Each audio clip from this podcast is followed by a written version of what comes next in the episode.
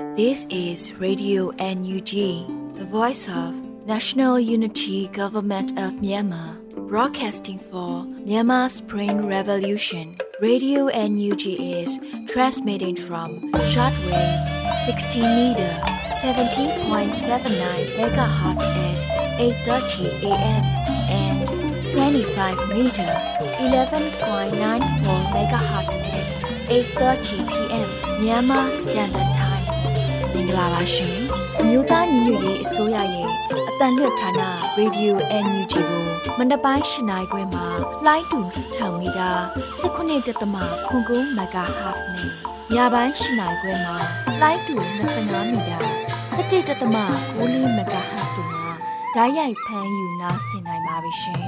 မင်္ဂလာအပေါင်းနဲ့ကြည့်ကြကြပါစို့အခုချိန်ကစပြီး Radio NUG စီစဉ်လေးကိုဓာတ်ရိုက်အတန်းနဲ့ပြင်နေပါပြီ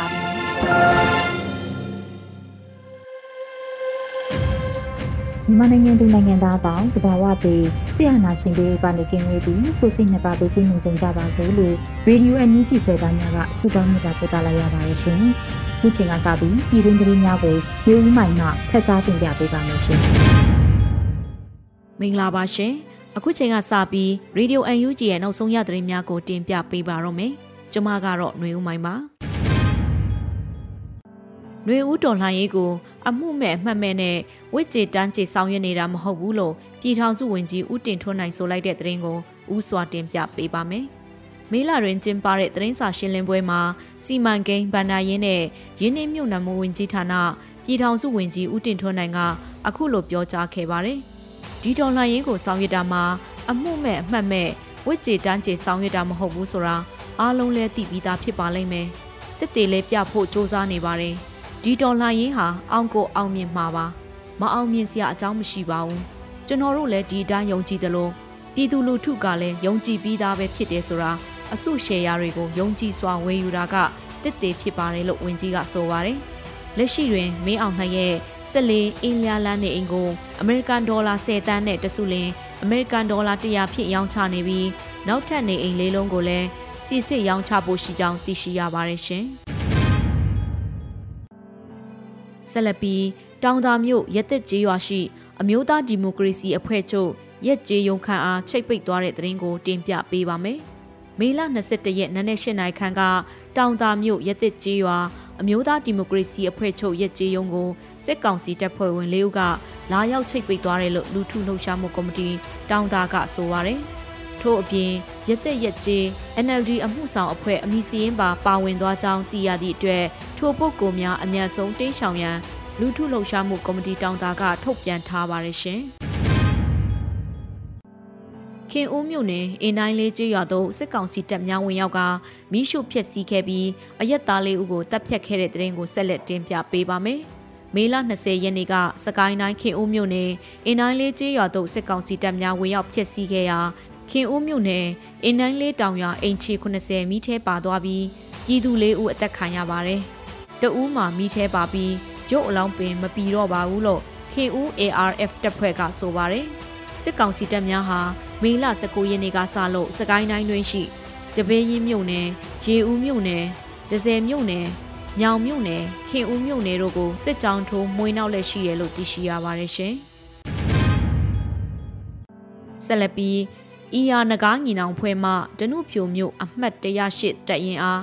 ဖျက်အားပြင်းမိုင်း6လုံးဖြင့်ဖောက်ခွဲတိုက်ခိုက်ရာစစ်ကောင်စီတပ်များထိခိုက်သေးဆုံးရှိနိုင်တဲ့သတင်းကိုတင်ပြပေးပါမယ်။မေလ20ရက်ည9:00နာရီချိန်မှာဒနုဖြိုမြို့အမှတ်108တပ်ရင်းအားတက်ရှိစစ်စေးရေးဂိတ်တွင်အစစ်စေးကြက်တီးသည့်ကြားမှမိုင်းနှလုံးတက်ဝင်းရှိစစ်ကောင်စီတပ်များထွက်မလာသည့်လမ်းတွင်မိုင်းနှလုံးတွင်နှစ်နေရာဆင်၍မစ်ရှင်စတင်ခဲ့ပါသည်။ တက်ရှိစစ်စေးရေးဂိတ်အားစတင်ဖောက်ခွဲခဲ့ပြီးစစ်စေးရေးဂိတ်ပောက်ကွဲပြီးနောက်တပ်ဝင်းထဲမှစစ်ကောင်စီတပ်များပြေးထွက်လာချိန်တပ်ဝင်းရှိဆင်ခဲ့သောမိုင်းနှလုံးတွဲနှစ်တွဲအားဖောက်ခွဲခဲ့ပါတယ်လို့အီယာနဂါညီနောင်ပြည်သူ့ကာကွယ်ပျောက်ကြားတက်ကဆိုပါတယ်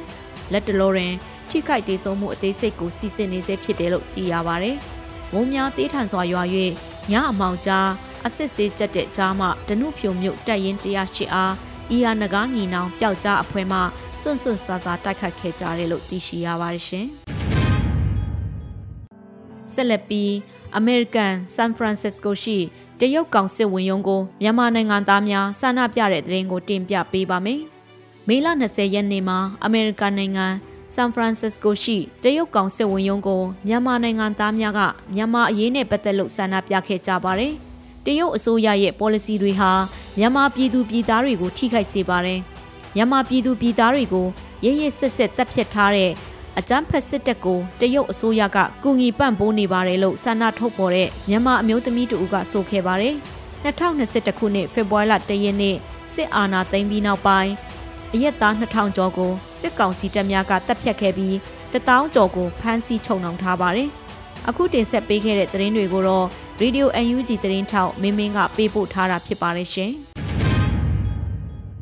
အခုဆက်လက်ပြီးသတင်းနဲ့အတူလူထုစကားသအစီအစဉ်ကဏ္ဍကိုတင်ဆက်ပေးသွားပါမယ်။ရေဦးမြို့နယ်တရက်တော်ကျေးရွာမှာစစ်သားအလောင်းလို့ယူဆရတဲ့ရုပ်အလောင်း20ကျော်တွေ့ရတယ်လို့ဒေသခံ PDF ရဲဘော်တွေကပြောပါရယ်။စကိုင်းတိုင်းရေဦးမြို့နယ်တရက်တော်ကျေးရွာကိုမေလ19ရက်နေ့ကစစ်ကောင်စီကဝင်ရောက်မီးရှို့ခဲ့တာကြောင့်အင်ချီ22လုံးပျက်စီးဆုံးရှုံးခဲ့ပါတယ်။စစ်ကောင်စီကပြည်သူတွေရဲ့အိမ်တွေနဲ့အတူသူတို့ရဲ့တိုက်ပွဲကြစစ်သားအလောင်းတွေကိုရောနှောမီးရှို့ဖျက်ဆီးခဲ့ပြီး ရုပ်အလောင်း20ကျော်တွေ့ရှိထားတယ်လို့ဒေတာခံပီတဲ့ရဲဘော်တွေကအခုလိုပြောပါတယ်ဒီစကူမှာကျွန်တော်တို့တည်င်းမျိုးနယ်တဲ့ကိုချောင်းမောက်ကြီးကနေပြီးတော့ညနေ3နာရီလောက်မှာသူတို့ထွက်နောင်လာဘက်ကိုထွက်လာကြတယ်ညနေ4နာရီလောက်မှာတွေ့တိုက်ပွဲဖြစ်သွားခဲ့ကြတယ်တွေ့တိုက်ပွဲဖြစ်ပြီးတော့အဲ့ဒီချိန်မှာသူတို့ စစ်ခွေးအကောင်ဟောတော့ကြလို့ကြားတယ်40တန်းရင်းနေကြတယ်မနဲ့နေမင်းစင်းနေဟိုတဲ့ချိန်မှာတည့်တော်ရွာတဲ့ဟိုအိမ်နေတဲ့ပေါင်းပြီးမိရှို့ထားကြတွေ့ရကြတိုက်ပွဲဖြစ်သွားတာကကျွန်တော်တပင်းမျိုးနယ်မှာဖြစ်သွားတာကြ။ location ကကျွန်တော်ချောင်းပေါက်ရွာကနေပြီးတော့ဒီဘက်စီးရင်တော့ညောင်လက်တည့်တော့အခုမှဖြစ်တာကြ။ဒီမျိုးနဲ့တည့်တော့ကြေးတော်ရှိရကြ။ကျွန်တော်တို့အလောင်းတွေတွေ့တာကတအိမ်ကို၄၅အလောင်းတွေ့ရဗျ။အယိုးစားတွေတော်တော်များများတွေ့ရဗျ။အဲပြီးတော့အလောင်းတွေပုံလို့မလောင်ခဲ့တဲ့အလောင်းလေးတွေကျန်နေရဗျ။ စစ်ဝတ်စကားနဲ့ပတ်သက်တဲ့ပစ္စည်းတွေရေဘူးတွေသမင်းကြိုက်တွေသူစစ်ဝတ်စုံတွေအများကြီးတွေ့ရဗျ။ကြောက်ဆုံးနေတဲ့ဒေသခံလူတွေကမရှိတော့သူတို့ဘာပြောပြောမလဲကျန်းပတ်စစ်ကောင်စီကလူတွေပဲဖြစ်လို့များတယ်ဗျ။သူတို့ရဲ့စစ်ဝတ်စကားတွေရောသူတို့သုံးလောက်ပစ္စည်းတွေများတယ်ဗျ။စစ်ကောင်စီကသူတို့ရဲ့ကြဆုံရဲဘော်စရင်ကို PDF တွေကိုမသိစေချင်တဲ့အတွက်ကျေးရွာတွေကိုမီးဝင်ရှို့ရင်းရုပ်အလောင်းတွေကိုဖျောက်ဖျက်လက်ရှိတယ်လို့စကိုင်းဒေတာခန်တွေကပြောပါတယ်။တရက်တော်ကျေးရွာကိုမီးဝင်ရှို့ရင်း အနီးနားကမောက်တာရွာကိုစစ်သားတွေကလက်နက်ကြီးနဲ့ပစ်ခတ်တာကြောင့်ပြည်သူစစ်တယောက်ထိမှန်ခဲ့ပြီးအဲ့ဒီထဲက၄ယောက်ပွဲချင်းပြီးတေဆုံးခဲ့ကြောင်းကိုဒီပဲရင် PDF အဖွဲ့ဝင်တို့ကအခုလိုပြောပြထားပါတယ်။သူတို့လာတဲ့လမ်းကြောင်းကိုမိုင်းစင်နဲ့မိုင်းစင်ပြီးတော့စောင့်ပြီးတော့ကျွန်တော်တို့ပြစ်ကြတယ်ပေါ့ဗျာနော်သူတို့လာတဲ့လမ်းကြောင်းသူတို့ဘက်ကလည်းလက်နက်ကြီးတွေနဲ့တိုက်ပြန်ပစ်တယ် တိုက်ပွဲချိန်ကတော့တနာရီလောက်ကြာတယ်ဗျ။တနာရီလောက်ကြာတယ် ကိုယ့်ဘက်က လက်နက်အင်အားနဲ့ ကျည်ဆံအင်အား မမျှတတော့ပြေးရင်းနဲ့ နောက်ဆုတ်ခဲ့ရတယ်ပေါ့ဗျာ။ခွေးတွေဘက်ကကျဆုံးရှိတယ်ဗျ။ကျွန်တော်တို့ဘက်ကတော့ ဒေသခံကာကွယ်ရေးဘက်ကတော့ အကျဆုံးမရှိပါဘူး။တိုက်ပွဲဖြစ်ပြီးတော့ ကျွန်တော်တို့ ဒေသကာကွယ်ရေးတပ်ဖွဲ့တွေ နောက်ဆုတ်သွားတဲ့အချိန်မှာ သူတို့ သရက်တောရွာထဲကို ဝင်တယ်ဗျ။ဝင်ပြီးတော့ မီးရှို့တယ်ဗျ။မီးရှို့ခံရ အိမ်ခြေ ၂၂ လုံးပါသွားတယ်ဗျ။အဲဒီအိမ်တွေထဲမှာ သူတို့ စစ်ကောင်စီဘက်က ကျဆုံးသွားတဲ့အလောင်းတွေ မီးရှို့ထားခဲ့တဲ့အလောင်းတွေ တဝက်အပိုင်းအစတွေ တွေ့တယ်လို့ ပြောတယ်ဗျ။ပြီးတော့ လက်နက်ကြီးနဲ့ စစ်ကောင်စီဘက်ကနေပြီးမှ လက်နက်ကြီးလှမ်းထုလို့မို့ ဒေသခံစစ်ဘေးရှောင်နေတဲ့ ရွာသူရွာသားတွေ လက်နက်ကြီးထိတာလည်း ရှိတယ်ဗျ။၁၁ ယောက်ထိတာမှာ ၄ ယောက်က ပွဲချင်းပြီး သေသွားတယ်ဗျ။ပေါက်သာကျေးရွာလို့ ပြောတယ်ဗျ။နီးတယ်ဗျ။ပေါက်သာနဲ့ သရက်တောနဲ့ကမဝေးလှဘူးဗျ။လှမ်းကြည့်ရင်မြင်နေရတယ်။ရေဦးမြို့နယ်မှာ စစ်တပ်က စစ်ကြောင်း ၃ ခုခွဲပြီး ထိုးစစ်ဆင်နေတာပါ။မေလ ၁၇ ရက်နေ့တုန်းက ရေဦးမြို့နယ်ကို စစ်ခရိုင်အဖြစ် သတ်မှတ်ပြီး စစ်တပ်ကနေမြေစိုးမှုမှုရဖို့စ조사နေတာဖြစ်ပါတယ်။ရေဦးမြို့နယ်မှာ စစ်အင်အားတွေကို အထိုင်ချပြီး အနီးနားကခင်ဦးဒီပဲရင်မြို့နယ်တွေကိုအကြမ်းဖက်နိုင်ဖို့စစ်တပ်ကစ조사နေတာလည်းဖြစ်ပါတယ်။ဒီသတင်းကိုတော့ຫນွေဦးခဲမှပေးပို့ထားတာဖြစ်ပါတယ်ရှင်။မိုးရွရွာနေတဲ့ကြားကစစ်ကြောင်းစစ်တိုက်ထိုးပြီးအကြမ်းဖက်နေတာကြောင့်စကိုင်းတိုင်းနဲ့မကွေးတိုင်းထဲကပြည်သူတွေဟာမေလထဲမှာစိုးရွားတဲ့အခြေအနေတွေနဲ့ရင်ဆိုင်နေရပါတယ်။မေလ20ရက်နေ့ကစကိုင်းတိုင်းဒဇယ်မြို့နယ်ထဲကချောင်းရိုးကျေးရွာကိုစစ်ကောင်စီကအကြမ်းဖက်မိရှူတာကြောင့် အိမ်ခြေ400ကျော်ရှိတဲ့ထဲကအိမ်38လုံးပဲကျန်တော့တယ်လို့ဒေတာခန်တွေကပြောပါတယ်။မေလ21ရက်နေ့ထိချောင်းရိုးကျေးရွာဘက်ကိုလက်နက်ကြီးတွေနဲ့လှမ်းပစ်နေတော့ပဲလို့ဒေတာခန်တွေကပြောပါတယ်။ဒီ ကောင်တွေကဆက်ရှိရနေ့တွေကကျွန်တော်တို့ရွာရဲ့နောက်ဘက်ကို လာပြီးတော့ဖမ်းငစင်ဆိုတဲ့ရွာမှာ နေတယ်ဒီစောသီးဆိုတဲ့ ဒလန်လုတ်ပြီးတော့ စစ်သားထဲမှာနေတဲ့ဖမ်းငစင်သား ၄ ယောက်လောက်တော့ ပါလိမ့်မယ်အမှောက်တက်ဆွဲပြီးတော့ နေပြီးတော့20ရက်နေ့ နေ့12နာရီကိုဝင်းရှို့သွားတိတ်ပါလို့အိမ်တော်စုစိန်ကြီးကတော့350ရှိရပေါ့ဒီလောက်တဲ့အိမ်ကြီးကတော့400ကျော်ပါပေါ့ အခုလက်ရှိကတော့38လုံး ကျန်တော့တယ်ယူကလေးကနိုင်ဘေးမှာတော့ အိမ်ကြီးတွေ ခြံသွားပြီးတော့ အတွင်းပိုင်းတွေ အကုန်ရှို့သွားတယ်ဗျ တက်တမင်တကပြည်သူတွေကိုကြောက်တရားတွေအမှောင်အမှောင်တွေကိုတွဲတင်တဲ့ပုံစံမျိုးကျွန်တော်တို့ရွာမှာဆိုရင်ရအယောင်းဝယ်လုပ်တယ်ဒီအယောင်းဝယ်လုပ်ငန်းနဲ့တခုရဲ့လောက်စားတတ်တယ်ဗျာတောင်သူဆိုတာလည်းသိနေလို့တက်တမင်တကဒီတေရွာလေးကိုရွေးပြီးတော့ပုံရှို့သွားတယ်ဒီစစ်အာဏာရှင်ကိုရအောင်တော့ဒါပဲစဉ်းစားရဗျာဆိုတော့ဝုန်းနဲ့လက်နဲ့ကြည့်နေပြည်နေလို့နော်ဒါပဲနော် မကွေတိုင်းမြောင်မြို့နယ်မှာလည်းစစ်ဘေးတင်ပြည်သူ3000ဝန်းကျင်ထိရှိလာပြီးမကွေတိုင်းတစ်ခုလုံးမှာစစ်ဘေးတင်ပြည်သူတိမ့်နဲ့ချီရှိလာပြီးမိုးရွာတီဝင်လာပြီးဖြစ်တဲ့အတွက်အမိုးအကာရိတ်ခါနဲ့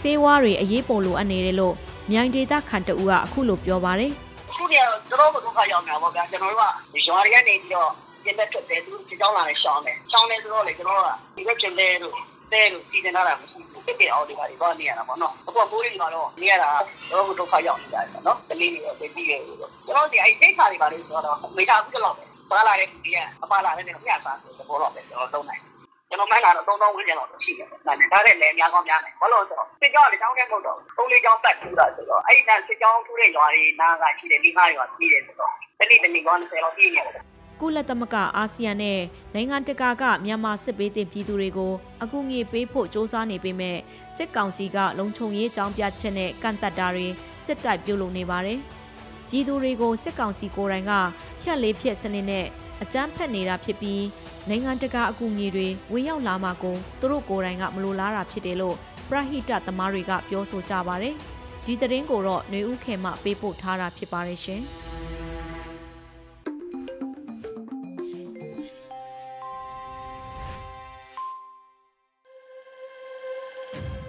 Radio NUG ရဲ့ညပိုင်းစီစဉ်တွေကိုဆက်လက်တင်ပြနေပါတယ်။ဒီနေ့ရဲ့တော်လှန်ရေးကြပြအစီအစဉ်မှာတော့ကြပြဆရာချမ်းမြရေးသားထားတဲ့ဟိုတုန်းကမန္တလေးကိုပြန်ပေးဆိုတဲ့တော်လှန်ရေးကြပြကိုလူဦးမှုမှရွတ်ဖတ်ပေးထားပါတယ်ရှင်ဟိုတုန်းကမန္တလေးကိုပြန်ပေးဟိုတုန်းကငါမန္တလေးကိုပြန်ပေးမောင်ပမာမိကြောင်စပိန်နဲ့ငါမန္တလေးကိုပြန်ပေးအလင်းဆိုင်ကဖေးရင်ကျေးမှုနဲ့ ငါမန္တလေးကိုပြန်ပေးအဆောင်ရှိကဂီတာတန်နဲ့လူပြိုရီလာလာလှဲ့တက်တဲ့ငါမန္တလေးကိုပြန်ပေးစာအုပ်အငားဆိုင်နေဇွဲတွေနဲ့ပျော်စရာကောင်းလွန်းတဲ့ငါမန္တလေးကိုပြန်ပေးတစ်ချိန်ကအငိတ်တွေမှော်လို့ပေါ်အနုပညာမြို့တော်အဖြစ်ကောင်းမော့ခဲ့တဲ့ငါမန္တလေးကိုပြန်ပေးနန်းတော်ရှိဆရာတင်ကိုပြန်ပေး မြို့မငင်းကို ပြန်ပေးစိန်ပေတာကိုပြန်ပေးလူတုဦးလှကို ပြန်ပေးလူတုဒေါ်အမာကို ပြန်ပေး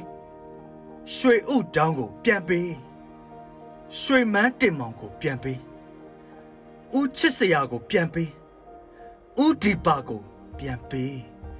ပြန်ပေးပြန်ပေးငါမန္တလေးကို အခုပြန်ပေးသူ့ကြုံမခံလို့တဲ့စိတ် ဝန်တာနုယက္ခိတတရားနဲ့ငါမန္တလေးကိုအခုပြန်ပေးချစ်ချင်းများဖြင့်ချမ်းမြ။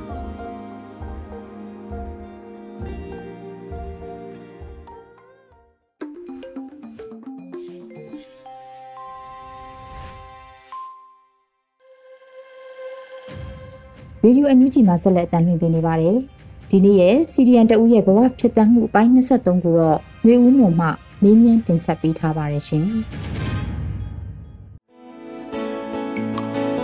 ဟုတ်ကဲ့ဆရာကြီးမင်္ဂလာပါ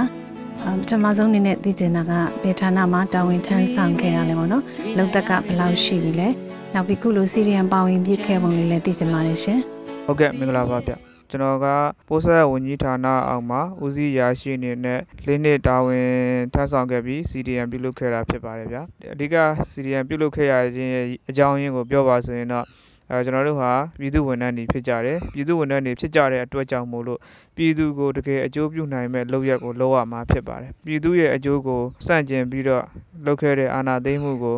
ကျွန်တော်တို့ပြည်သူဝန်ထမ်းစစ်စစ်တွေကပြန်ပြီးကြကြတော့ ပြည်သူအတွက်ဆောင်ရွက်ပေးလို့ရတာဒီ CDM လှုပ်ရှားမှုမှာပါဝင်တာပဲဖြစ်တယ်ဒါဒီတကယ်ကိုပြည်သူဝန်ထမ်းတိုင်းလုပ်ရမယ်ပြည်သူအတွက်ဆောင်ရွက်ချက်ဖြစ်တယ်ဆိုတာမျိုးယုံကြည်ပြီးတော့ကျွန်တော်ပါဝင်ခဲ့တာဖြစ်ပါတယ်ခင်ဗျဟုတ်ကဲ့ရှင် CDM လုပ်ခဲ့ပြီးတဲ့နောက်ပိုင်းမှာကြုံခဲ့ရတဲ့အခက်အခဲနဲ့ PR တွေပေါ့နော်ဥပမာဌာန PR ပေးတာမျိုးစစ်ကောင်စီကြောင့်ကိုမိသားစုရဲ့လုံခြုံရေးအနေအထားလေးတွေပေါ့နော်အဲ့ဒါလေးတွေလည်းဘယ်လိုရှိလဲသိချင်ပါတယ်ရှင်အဓိကတော့လုံခြုံရေးပေါ့ကိုယ့်ရဲ့လုံခြုံရေးလည်းပါတယ်စိတ် မလုံခြုံမှုဆိုတာမျိုးတွေလည်းရှိပါတယ်အဓိကကတော့ဒီလုံခြုံရေးနဲ့ပတ်သက်တဲ့ဟာမျိုးပေါ့သွားလဲလာတဲ့ခါမှာလည်းပဲကိုယ့်ရဲ့လုံခြုံရေးဆိုရင်ရတာမျိုးပေါ့အဲနေတဲ့ထိုင်တဲ့ခါမှာမျိုးရောက်တဲ့နေရာမှာလည်းပဲငါလုံခြုံမှုရှိပါမလားပေါ့ဘယ်သူကများတွေ့ပြီးကြတော့ဘာများဖြစ်မလဲဆိုတော့ဆိုရင်ပူပန်မှုမျိုးပေါ့ဒါကကျွန်တော်ပါဝင် CDM မှာတော်တော်များများမှာတွေ့ကြုံရလေးရှိတာဖြစ်ပါတယ်ခြားသောနေရေးထိုင်ရေးစားရေးတောက်ရေးဆိုတဲ့ခက်ခဲကတော့ကျွန်တော်အတွက်တော့နည်းပါတယ် အဲအိမ်ကလည်းပဲဒါကသဘောတူတဲ့ဟာဖြစ်တဲ့အတွက်ကြောင့်မို့လို့ကျန်တဲ့အခက်ခဲကတော့မရှိပါဘူးခင်ဗျဟုတ်ကဲ့ဆီအနေနဲ့ပေါ့နော်စီရီယံအကူအညီထောက်ပံ့တွေရဘူးတာမျိုးရောရှိလားရှင်ဟုတ်ကဲ့လွေဦးထီနဲ့ချိတ်ဆက်ပြီးတော့ထောက်ပံ့မှုတစ်ခါရရှိခဲ့ပူပါတယ်။တခြားရင်ဘတ်တူတဲ့တငယ်ချင်းတွေမိတ်ဆွေတွေရဲ့ကူညီထောက်ပံ့မှုတွေဟိုတော့ရပူပါတယ်ခင်ဗျ။ဟုတ်ကဲ့ပါ။လွေဦးတော်လည်းပေါ်မှာဆရာရဲ့ခံယူချက်ကလေးတွေလည်းသိချင်ပါတယ်။စီရီယံလုပ်ခဲ့ပြီးတော့အခက်အခဲတွေကြုံလာတဲ့အခါမျိုးမှာ ကိုရုံးကိုပြန်သွားခြင်းနဲ့စိတ်မျိုးရောဖြစ်ဘူးလားရှင်လုံးဝမဖြစ်ပါဘူးခင်ဗျကိုဘလောက်ပဲခက်ခဲရတာတွေကြုံကြုံရုံးကိုပြန်သွားခြင်းစိတ်တော့မရှိပါဘူးဒီຫນွေဥဒေါ်လာရေးပြီးသွားတဲ့အခါမျိုးအောင်ပွဲရတဲ့အခါမျိုးမှာရုံးကိုပြန်သွားဖို့မယ်ဆိုတဲ့စိတ်တစ်ချက်ပဲရှိပါတယ်အဲဒီလိုပြန်သွားတဲ့အခါမှာ ကိုယ့်တို့ဘက်ကအဖက်ဖက်ကပြည့်စုံမှုအတွက်ဒီချိန်မှာကြိုတင်ပြင်ဆင်ထားတဲ့သင်တန်းတက်တာတွေခြားသော skill upgrading လုပ်တာမျိုးတွေတော့လုပ်ပါတယ်ဒီလိုချိန်မျိုးမှာငတ်ပြတ်သွားမယ်ဆိုရင်တောင်မှရုံးပြန်သွားမယ်ဆိုတဲ့စိတ်မျိုးလုံးဝမရှိပါဘူးဒီတော်လန်ရေးဟာလူတစုရဲ့အကျိုးစီးပွားကိုအတွက်မူတည်ပြီးတော့မတရားသဖြင့်လုပ်တာဖြစ်တဲ့အတွက်ကြောင့်မို့လို့လူများစုဖြစ်တဲ့တရားမှုကိုမြင်လို့တဲ့ကျွန်တော်တို့တွေအားလုံးကတွန်းလှန်ကြတာပါဒါကြောင့်ဒီတော်လန်ရေးဟာအောင်ကိုအောင်မြင်မယ်ဆိုတဲ့ ယုံကြည်ချက်ရှိပါတယ်အဲ့ဒီယုံကြည်ချက်နဲ့အတူကျွန်တော်တို့အားလုံးကညီညီညာညာနဲ့အားလုံးတဦးနဲ့တဦးဝိုင်းဝန်းကိုညီဆောင်မမှုတွေနဲ့အတူဆက်လက်ချီတက်မယ်ဆိုရင်ကျွန်တော်တို့လိုချင်တဲ့ရောင်နေတာတဲ့နေ့တစ်ကိုရောက်မှာမလွဲသိကြပါတယ်ဆိုတာတော့ကျွန်တော်ယုံကြည်ပါတယ်ဟုတ်ကဲ့အခုလက်ရှိမှာဆရာအနေနဲ့ဘဝကိုဘယ်လိုမျိုးရှင်သန်ရည်တည်နေလဲဆိုတာလေးလည်းပြောပြပေးပါနော်ဟုတ်ကဲ့အထက်မှာပြောခဲ့သလိုပဲပေါ့နော်ကျွန်တော်ရဲ့မိသားစုက CDM လောက်တာနဲ့ပတ်သက်ပြီးတော့သဘောတူတယ် ကွန်ပျူတာရှိတဲ့အတွက်ကြောင့်မို့လို့တခြားခက်ခဲမရှိဘူးမရှိတဲ့အတွက်ကြောင့်မို့လို့ဒီရက်တီချက်တွေကြတော့လောက်တာမျိုးတွေတော့မရှိခဲ့ဘူးခက်ခက်ခက်ခဲရုန်းကန်ရပြီးတော့လုံနေရတာမျိုးတော့မရှိပါဘူးဒါကြောင့်မို့လို့ကျွန်တော်တစ်ဖက်ကနေပြီးတော့ CDMR တွေအတွက်လုပ်ပေးလို့ရနိုင်တဲ့လုပ်ငန်းတွေကိုဆောင်ရွက်ပါတယ် CDMR တွေအတွက်ပြုလုပ်ထားတဲ့ passport တွေမှာဝင်ရောက်ပြီးကြတော့ volunteering လုပ်ပေးနေတာတွေရှိပါတယ်ခင်ဗျဟုတ်ကဲ့ပါ ပြည်သူဝန်ထမ်း CDM တဦးအနေနဲ့ပြည်သူတွေကိုတခုခုပြောချင်တာမျိုးလေးရှိပါသလားရှင်ပြောချင်နေတာတွေကတော့အများကြီးရှိပါတယ်ပထမဆုံးပြောချင်တာလေးကတော့ရုံးမတက်တဲ့ရုံးထွက်ဆိုတဲ့ပြည်သူတွေရဲ့တိုက်တွန်းချက်နဲ့အတူကျွန်တော်ပါဝင်ပြည်သူဝန်ထမ်းစစ်စစ်တွေက CDM ပြုလုပ်ခဲ့ကြပါတယ်တော်တော်များများ CDM မာတွေကတော့အခက်အခဲကြက်တဲတွေရှိကြပါတယ်ဒီလိုရှိကြတဲ့အတွက်ကြောင့်မို့လို့ မိဘပြည်သူများကကူညီစောင့်ရှောက်ပေးဖို့ဝိုင်းရံကြဖို့လို့တော့အထူးမြတ်တာရက်ခံလိုပါတယ်ပြည်သူဝန်ထမ်းတွေဟာအခုချိန်မှာစကားစားရဲ့ဖိနှိပ်မှုတွေခက်ခဲတွေကြောင့်ကိုလှုပ်ရှားခြင်းတလောက်လှုပ်ရှားလို့မရဘူးအဲဒါကြောင့်မလို့ဘဝရည်တည်ချက်တွေခက်ခဲနေကြပါတယ်ဒါကြောင့်ကူညီပေးစေလိုပါတယ်ဒုတိယတစ်ခုကတော့ပြည်သူတွေနေနဲ့စီရီယံမှာပါဝင်တော်လှန်ရေးအင်အားစုအားလုံးကိုဆောင်ရွက်ပြီးလို့ရနိုင်တဲ့ဘက်ကကူညီဆောင်ရွက်ပေးကြပါထောက်ပံ့ပေးလို့ရနိုင်တဲ့ဘက်ကအာထောက်ပံ့ပေးကြပါဆိုတာလေးကိုပဲထပ်လောင်းပြီးတော့မေတ္တာရက်ခံလိုပါတယ်အဲကျွန်တော်တို့ဒေါ်လာရေးဟာလေနဲ့ဒေါ်လာလို့ရတဲ့ဒေါ်လာကြီးမျိုးမဟုတ်ပါဘူးကျွန်တော်တို့ရဲ့ဘက်က CDM မှာတော့၎င်း VDF တွေတော့၎င်းတခုခုဖြစ်သွားတယ်အသက်ဆုံးရှုံးတယ်ဖမ်းဆီးခံရတယ်ဆိုရင်အဲဝမ်းနေပြမယ် line ဘော်တွေတင်ကြရတယ်ပေါ့တက္ကဝဆဘက်ကစစ်ခွေးတွေရဲခွေးတွေတေးတယ်ဆိုရင်ဖမ်းခံရတယ်ဆိုရင်ဝမ်းသာပြမယ်ပေါ့ဒီလိုမျိုးလေးလုပ်ယုံနဲ့ ဟိုလေနဲ့တင်ဒေါ်လာလို့ရတဲ့ဒေါ်လာရေးမဟုတ်ပါဘူးကျွန်တော်တို့လက်တွေ့ကြကြဒေါ်လာရမှာဖြစ်ပါတယ်ဒါကြောင့်မို့လို့လက်တွေ့ကြတဲ့ကုညီထောက်ပံ့မှုတွေဝိုင်းရံမှုတွေဆောင်ရွက်ပေးကြပါလို့ကျွန်တော်ပြည်သူများကိုပြစ်တာရက်ခံတာဖြစ်ပါတယ်ခင်ဗျဟုတ်ဒါဆိုရင်နောက်တစ်ပေါ့နော်ကိုနဲ့ဘဝတူ CDM တွေရောဘယ်လိုမျိုးစိတ်သက်ခွန်အားလေးတွေပေးခြင်းလဲရှင့်ကျွန်တော်တို့ဘဝတူ CDM မှာညီကိုမောင်နှမအားလုံးအားတင်ထားကြပါ ကျွန်တော်တို့ဒီရဲ့ပြည်သူတွေအတွက်ရှေ့ရှုပြီးပြည်သူဘက်ကရက်တည်တဲ့မှန်ကန်တဲ့လုပ်ရက်ဟာမကြခင်ချိန်ကာလမှာအောင်မြင်မှုရလဒ်ကိုစောင့်ကျဉ်ပေးလာနိုင်တာဖြစ်ပါတယ်။ဒါကြောင့်ဒီအောင်ပွဲကြီးရတဲ့အခါမှာကျွန်တော်တို့လိုချင်တဲ့တရားမျှတမှုနဲ့လွတ်လပ်မှုဆိုတာရလာရင်ကျွန်တော်တို့ဖြစ်ချင်တဲ့အရာရာဟာဖြစ်လာမှာဖြစ်ပါတယ်။ဒီပန်းတိုင်ကိုရောက်ဖို့အတွက်တော့ကျွန်တော်တို့တွေဟာခက်ခဲတွေအကြက်တဲတွေနဲ့ကြုံနေရအောင်မှာပါပဲရင်ဆိုင်နေရအောင်မှာပါပဲဒီလိုရင်ဆိုင်ရတဲ့အခါမျိုးမှာ ကိုကိုကိုစိတ်အားတင်ထားစေချင်ပါတယ်။ဘာနဲ့စိတ်အားတင်ထားရမလဲဆိုရင်ကျွန်တော်တို့ CDM ပြုလုပ်လာတာဟာတစ်နှစ်ကျော်ကာလရောက်လာပြီဒီကာလကြီးမှာကြံ့ကြံ့ခိုင်နိုင်တာဒီကျွန်တော်တို့ရဲ့စိတ်ခန္ဓာရင်ရှိမှုကိုပြတာပါပဲကျွန်တော်တို့ဒီစိတ်ခန္ဓာရင်ရှိမှုဟာတော်လှန်ရေးအောင်မြင်မဲ့လမ်းကြောင်းတွေတဲကတော်လှန်ရေးအောင်မြင်နိုင်မဲ့နီးလန်းတွေတဲကတစ်ခုဖြစ်ပါတယ်ဒါကြောင့်မို့လို့ဘယ်လိုကိစ္စနဲ့ကြောင့်ပဲဖြစ်ဖြစ်စိတ်သက်ကြကြရှိလာတယ်ဆိုရင် ငါတို့ဟာတစ်နှစ်ကျော်ကာလတောင်မှပဲ CDN ကိုကြံ့ကြံ့ခိုင်လှုပ်လာနိုင်တယ်ဆိုတော့အောင်မြင်မှုတစ်ခုနဲ့ကိုကိုကိုအားပြန်မွေးပါဆိုတာတိုက်တွန်းချင်ပါတယ်နောက်တစ်ခုကကိုနဲ့လမ်းတူတဲ့ရင်ဘတ်တူတဲ့ယုံကြည်ရတဲ့ငွေချင်းတွေကိုရင်ဖွင့်ပါဒါဆိုရင်လည်းပဲကိုစိတ်ပေါ်သွားတာမျိုးတွေဖြစ်ပါလိမ့်မယ်နောက်တစ်ခုကကိုဝါသနာပါတဲ့ကိုစိတ်ပျော်ရွှင်နိုင်တဲ့အရာတစ်ခုခုကိုပြုလုပ်ပါ ဝါသနာပါတဲ့အရာတစ်ခုခုမှာစိတ်နှစ်လက်တဲ့အခါမှာစိတ်ညစ်တာမျိုးတွေလည်းပျောက်သွားနိုင်ပါတယ် CDM လှုပ်ရှားမှုဟာကျွန်တော်တို့ຫນွေဥတော်လှန်ရေးရဲ့တက်ဦးမှာရှိပါတယ်ထို့တူပဲကိုယ့်ရဲ့ဘဝတွေအသက်တွေကိုရင်းပြီးတော့ဆွဆွဆားဆားနဲ့တိုက်ပွဲဝင်နေကြတဲ့ PDF ရဲဘော်များကိုလည်းဒီနေရာကနေပြီးတော့အလေးပြုပါတယ် CDM နဲ့ PDF အပေါင်းကိုကုညီထောက်ပံ့ဝိုင်းရံကြတဲ့မိဘပြည်သူအားလုံးကိုလည်းပဲလေးစားမှုနဲ့အတိမတ်ပြုပါတယ် အာမိဘပြည်သူများကိုထပ်ပြီးတော့တိုက်တွန်းရမယ်ဆိုရင်တော့ကိုကငွေရေးကြီးရထောက်ပံ့ဖို့နည်းတယ်ဆိုရင်တောင်မှပဲနိုင်သမျှအချိန်လေးမှာ click လုပ်ပေးစီခြင်းပါတယ်ခင်ဗျာဟုတ်ကဲ့ပါအခုလိုချိန်ပေးပြီးပြကြပေးတဲ့အတွက်ကြောင့်ဆရာကို Radio NUG ကနေအထူးပဲကျေးဇူးတင်ရှိပါတယ်ရှင်ဟုတ်ကဲ့ပါအခုလိုပြောခွင့်ရအောင်စီစဉ်ပေးတဲ့အတွက်ကြောင့်မလို့ပဲ Radio NUG ကိုကျေးဇူးတင်ပါတယ်ဗျာ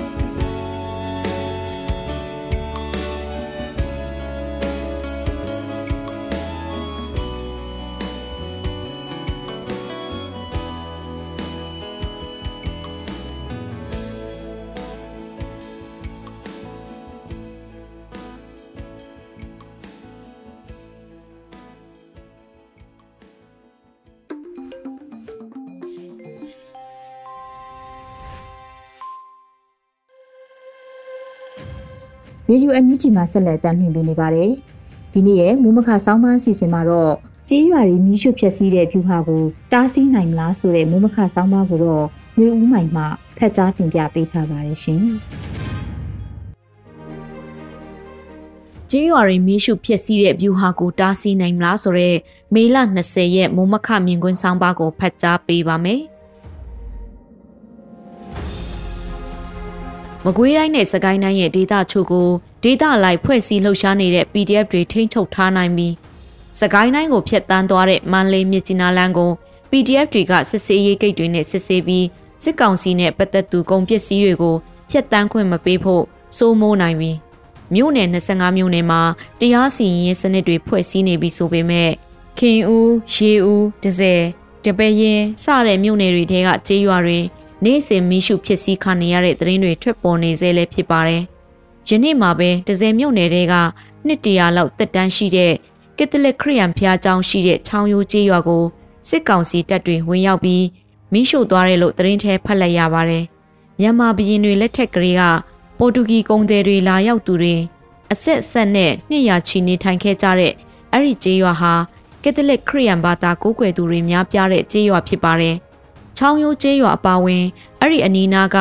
အခြားကျေးရွာတွေလည်းမီးရှို့ဖျက်ဆီးခံရတာဖြစ်ပါတယ်။အင်ချေဘယ်လောက်မီးလောင်သွားတယ်လဲရှေဟောင်ပြီးသူကလည်းရာဖះเจ้าပါသွားသလားမပါသလားဆိုတာတွေခုချိန်ထိမသိရှိကြရသေးဘူးလို့လဲဆိုပါရယ်အလားတူရာနဲ့ချီတဲ့အရေးအတွက်ကျေးရွာတွေမီးရှို့ဖျက်ဆီးခံခဲ့ကြရပြီးခံနေကြရဆဲလည်းဖြစ်ပါတယ်ဒီလိုမီးရှို့ဖျက်ဆီးခံရတဲ့အခြေအနေမျိုးကိုတားဆီးနိုင်မဲ့နည်းလမ်းမရှိတော့ဘူးလားလို့မိခွန်းလဲထွက်ပေါ်လာပါတယ်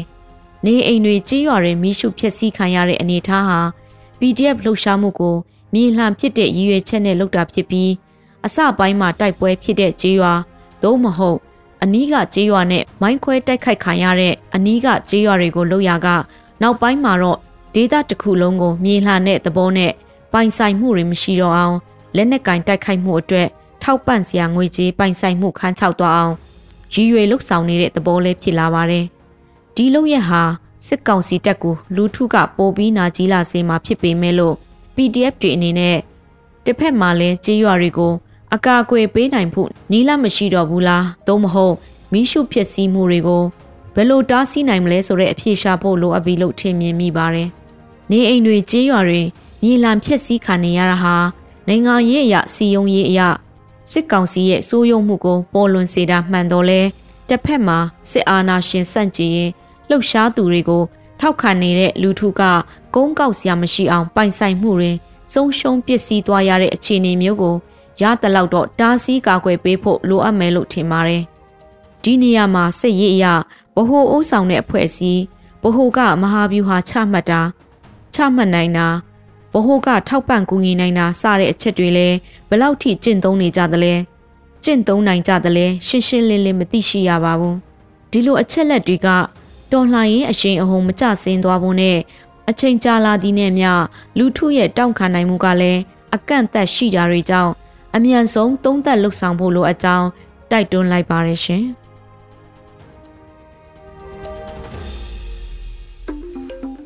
ဒီကနေ့ကတော့ဒီညနေပဲ Radio NUG ရဲ့အစီအစဉ်လေးကိုခေတ္တရ延လိုက်ပါမယ်ရှင်။မြန်မာစံတော်ချိန်မနေ့၈နိုင်ခွဲနဲ့ည ၈နိုင်ခွဲအချိန်တွေမှာပြောင်းလဲဆိုပြကြပါလို့ရှင်။ Radio NUG ကိုမနေ့ပိုင်း၈နိုင်ခွဲမှာ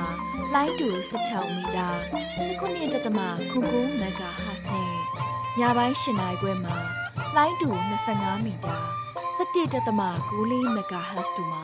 ဓာတ်ရိုက်ဖမ်းယူနားဆင်နိုင်ပါပြီရှင်။မြန်မာနိုင်ငံသူနိုင်ငံသားများကိုစိတ်နှဖျားစမ်းမချမ်းသာလို့ဘေးကင်းလုံခြုံကြပါစေလို့ Radio NUG ရဲ့ဖွဲ့သူဖွဲ့သားများက